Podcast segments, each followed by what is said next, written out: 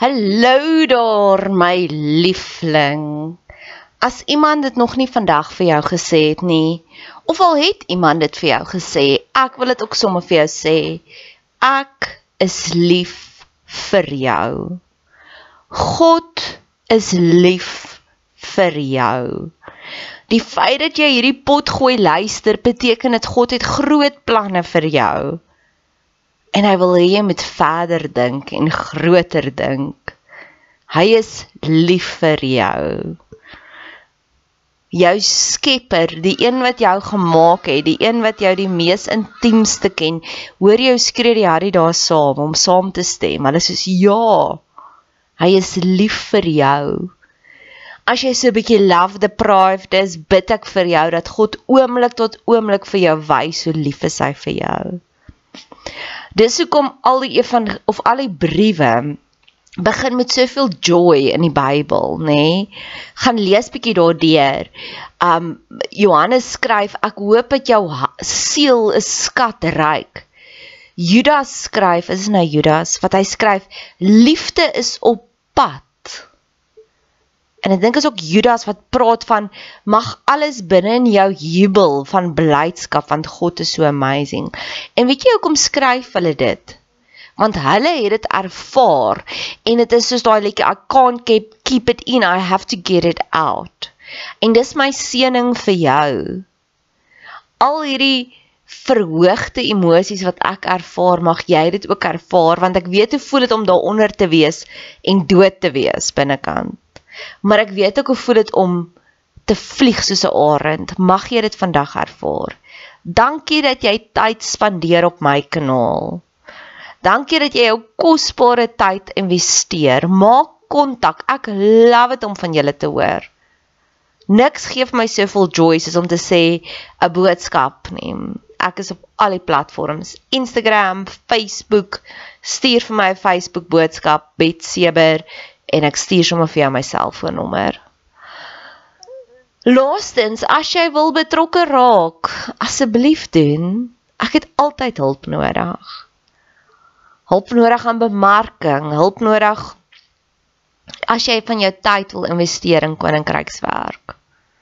Jy hoef nie net pannekoeke te bak by die kerk bazaar om koninkrykswerk te doen. Jy hoef nie net soos jy Jehovah getuies gaan klop aan deur om te sê wil jy deel word nie. Daar's soveel meer maniere. Geniet die podcast. Dis 3 minute. As jy as jy dit een keer geluister het en jy wil dit elke keer forward, ek gaan jou eer 3 minute. Kids geskryf deur Andrew Motion. Keats was 'n romantiese gedigte skrywer.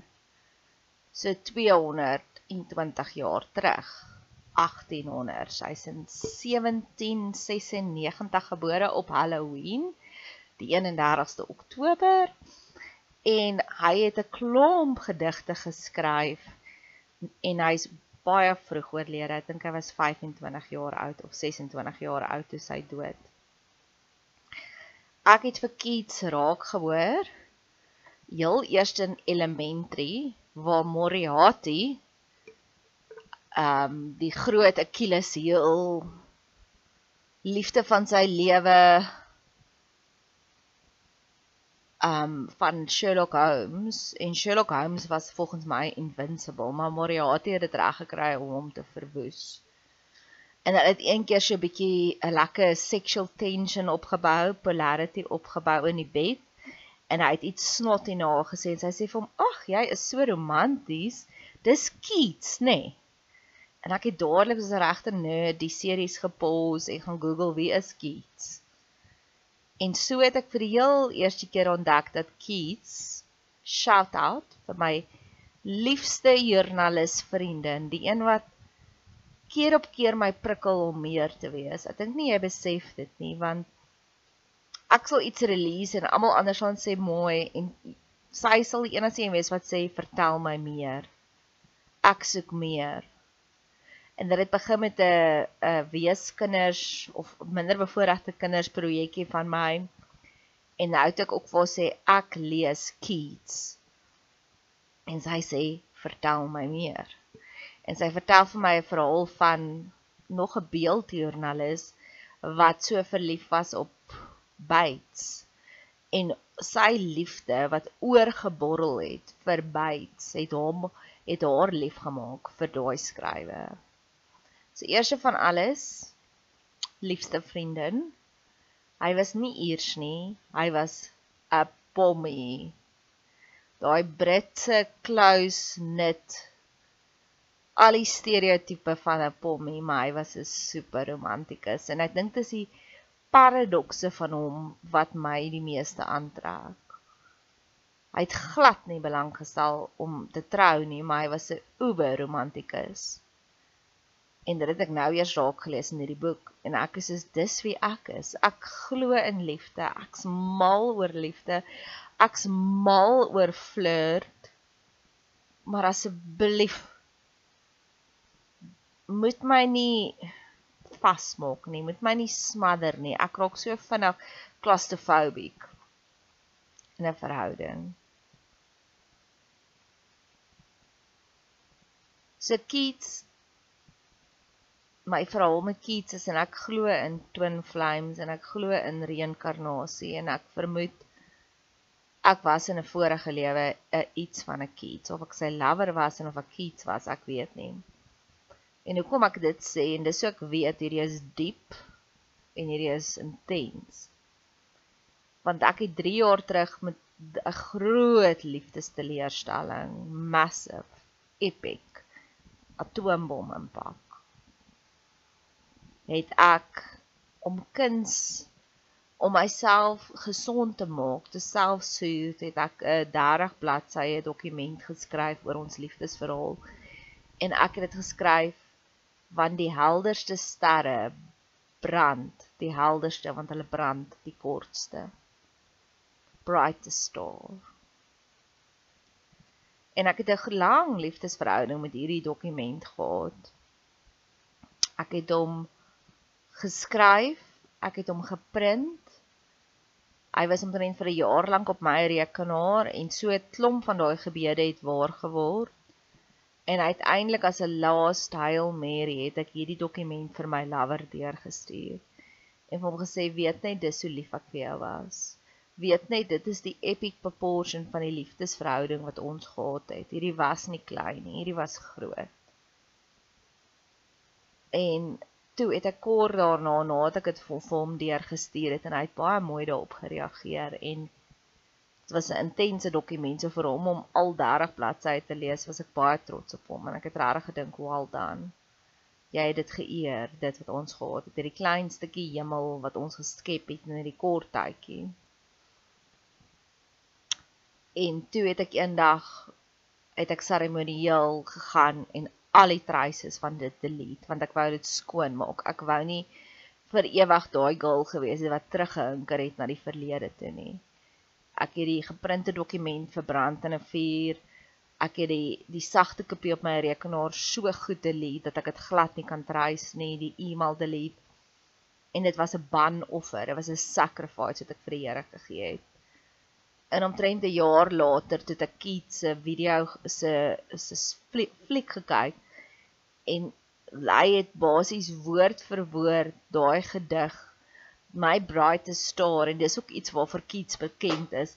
Hy het wat ek gevoel het in 30 bladsye opgesom in 3 paragrawe en toe het ek geweet hier's iets.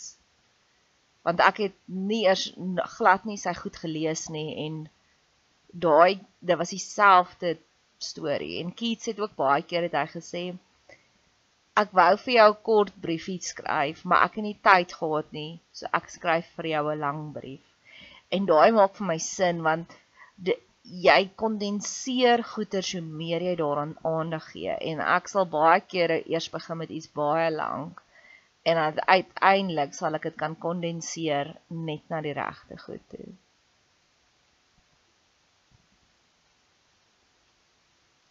So in die eerste paar bladsye van Keats daar was soveel dinge wat lewendig geraak het en hierdie boek is omtrent 600 bladsye lank. So hy's 'n langtermyn doelwit soos baie dinge in my lewe. En ek dink ek trek nou eers by bladsy 20, not that I'm counting. en hoe hierdie persoon Andrew Motion wat nog steeds lewe en hy bly ook in Engeland wat ek mee gaan kontak maak ek volg hom al reeds op Twitter en dis die tyd waarin ons lewe ons kan kontak maak met die outeur so lekker is dit het hy begin om te verduidelik dat Keats was al sy goed was polities. En dit is daai daai liefdes alkemie, daai liefdesverhouding, daai koneksie wat ek net nie kan verstaan hoekom kan almal anders dit nie sien nie. Hoe kan jy 'n normale human being wees maar nie belangstel in die politiek nie? nie fight teen die injustice nie. Hoe kan jy so blind wees en in denial lewe? Ek sal iets lees. Ek het vanoggend nou weer iets gelees van Duma. Dis nou die 5de 4de 4 Januarie. 'n ANC KwaZulu-Natal politikus en waar hulle weer gesê die ANC is besig om te val. En ek soos yes, dis wat ek voel al vir 'n geruime tyd. Die ANC is verseker besig om te val. So Keats het daai vir my bevestig een van my ander gunsteling mentors long time, love you long time is Rob Bell. En ek en my skoonsis het sy goed geluister en op 'n stadium het sy gesê en sy's 'n dominee se dogter. Het sy gesê sy het opgehou om na Rob Bell te luister want al sy goed is polities en ek is soos hoe kan jy 'n volwasse gelowige wees en nie polities raak nie want jy bid eers vir jou inner circle en dan event jy bid eers vir jouself en dan as jy so gesond dan begin jy te bid vir jou inner circle. Dan kry jy hulle so gesond, dan begin jy te bid vir jou gemeenskap, dan kry jy hulle so gesond. Eventually ripple dit uit en jou bedieningsveld raak dit al hoe groter dat eventually begin jy op die politieke skaale te werk. En ek kan nie dink hoe kan en al jou beste politikuste het begin as 'n dominee of baie dominees het begin as 'n politikus. Daar's so hierdie hierdie hierdie chain van dit. Dit dit maak net sin dat jy gaan eventually ge-upgrade word. My nuwe flirt het ingenieurswese geswat en ek glo die beste ingenieurswese eindig op in een of ander executive vlak bestuur. Dit maak dit sin. As jy gaan excel op met 'n ingenieur, as 'n ingenieur gaan jy excel as 'n direkteur.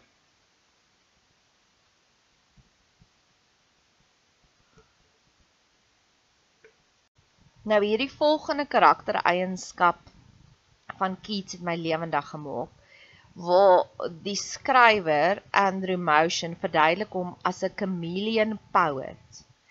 En hy sê Shakespeare was ook 'n chameleon poet en wat hy sê is hulle tap in iets anders in. En dan raak hulle amper saadjiek en hulle hoor goeders en dan bring hulle dit vir die res van die wêreld in. En dis ook enige kunstenaar voel. Dis wat Elizabeth Gilbert probeer verduidelik het in haar Muse TED Talk, die een wat viral gegaan het.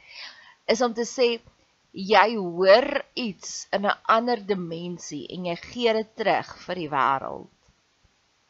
Een van my ander gunsteling skrywers, ek gaan hom ook anoniem hou, maar wat daar al gesprekke was om te sê hoe weet jy alles van die ANC? Jy moet saadjie wees of jy moet altyd by hulle dinge gaan inspandeer want hy tap ook in in daai anderse dimensie en hy gee dit vir ons terug. En dis die tipe van kunstenaars wat ek wil navolg. Die ander ding wat my baie lewendig gemaak het en hierdie is 'n kommitment wat ek aan myself gemaak het in nuwe jaars voorneme en ek kan nie onthou wie dit gesê nie en dis hoekom ek dit nou doen. Wat hy sê, dat ek dink dit was of Nelson of Wellington, een van die bekende Britse warmongers wat gesê het sy strength, sy krag en dit was dieselfde met Washington ook. Hulle het elke dag aan die einde van die dag het hulle hulle verslaggie geskryf om te sê hierdie was die dinge wat ek gedoen het, hierdie is die dinge wat ek geleer het, hierdie is die dinge wat vir my want ek sal dit baie kere sal ek dit hou, ek het 'n Remnote app en dan beplan ek om weer na die flashcards te kry. Kyk en dis 'n jaar later en ek doen dit nie. So daai plannetjie werk nie meer nie. So vir my is dit nou soos vanoggend het my vriendin gesê sy wil meer weet van wat ek lering iets.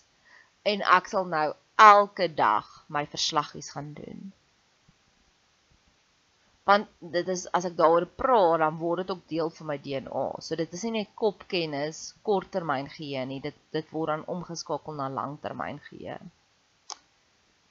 Hy praat hierso Andrew Motion, nou ek dink my vriendin gaan dit baie geniet waar hy sê kuns is net 'n convulsion van jou persoonlikheid. Kuns is nog 'n manifestasie van jou persoonlikheid. En dit het my so getref want as jy nie gaan lief wees vir jouself nie, gaan jy nie kan kuns maak nie want hoekom gaan jy nog produkte van jou persoonlikheid wil uitgee? En my vriendin het vir my begin leer van Viktor Frankl wat gesê het liefde is 'n oorgawe. Nou ek voel ook kuns is ook 'n oorgawe. Maslow se hiërargie is al jou boksies ondergetik is, dan kan jy eers liefde gee. As al jou boksies ondergetik is, dan kan jy eers kuns gee en dit is die grootste paradoks van die lewe want kuns genees, maar as jy stikkend is, kan jy nie kuns skep nie.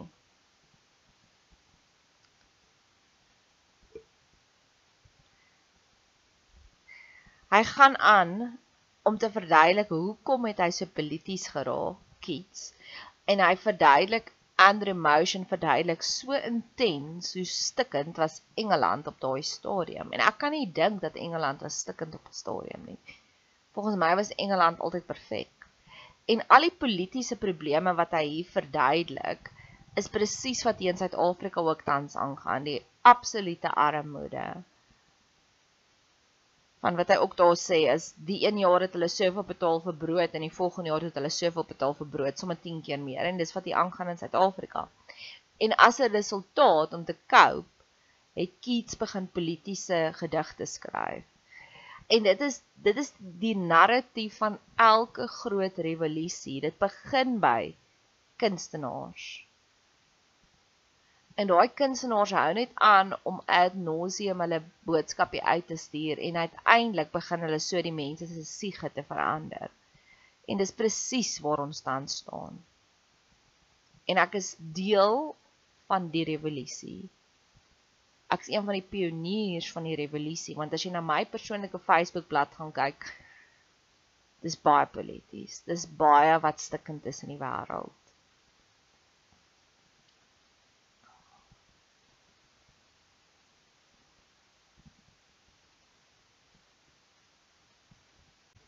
Dis hoekom ek so baie boeke lees want ons almal is innerlik eensaam.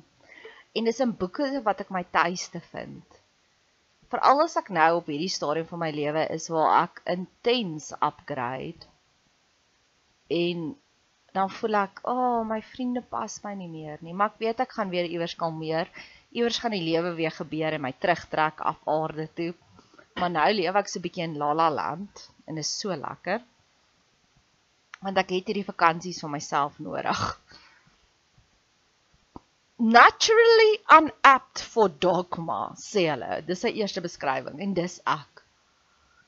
Ek kan nie verstaan hoe kan mense nog steeds in dieselfde kerk wees nie of in kerk.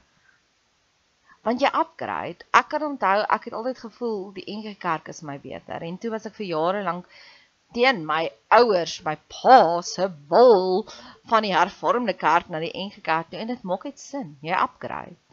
En toe ek oor na charismatiese kerke toe. En toe ek oor na die messiaanse Joodse beweging toe. En toe eventually toe ek op my eie. Want dogma, simpel reëls maak vir my mug. Kyk, jy mis my gehoor het in COVID want ek's 'n gesondheidswerker so ek weet hoe werk infeksiebeheer. En nou is daar een of ander minister wat niks weet van dit nie en wat reëls maak. Ja ek het ek het toe gefight. Ek was toe rebel He defines himself as an outsider either to dramatize his wounded sensitivity or to make an imaginative space in which to develop ideas of transcendence. Nou daai een ek's 'n outsider. Wat's my favorite liedjie? I'm an alien. I'm a legal alien. Ek het nog altyd so 'n alien gevoel. Daar sal vlietende oomblikke wees waar ek voel, ag, hierdie is my tuiste. Dan skryf ek liedjies en ek skryf gedigte oor, ag, my siel voel asof dit tuis is net vir 'n kort rukkie om by hierdie mentor tuis te voel en dan voel ek ag ek snel weer ge-upgrade. Tata Siasi. Want om tuis te voel is 'n vlietende emosie in my lewe. Dit hou nie lank nie.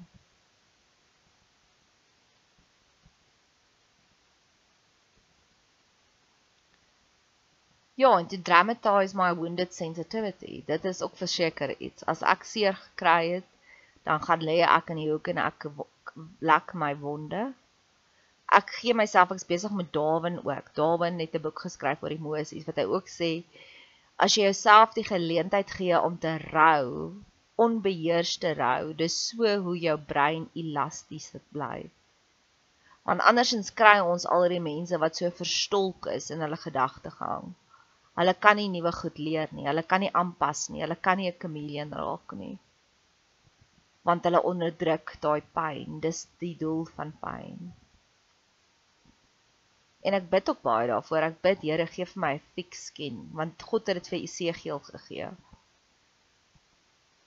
En dis die gebed is 29 dae oud en ek het al soveel bewyse van waar God vir my regtig 'n thick skin gegee het.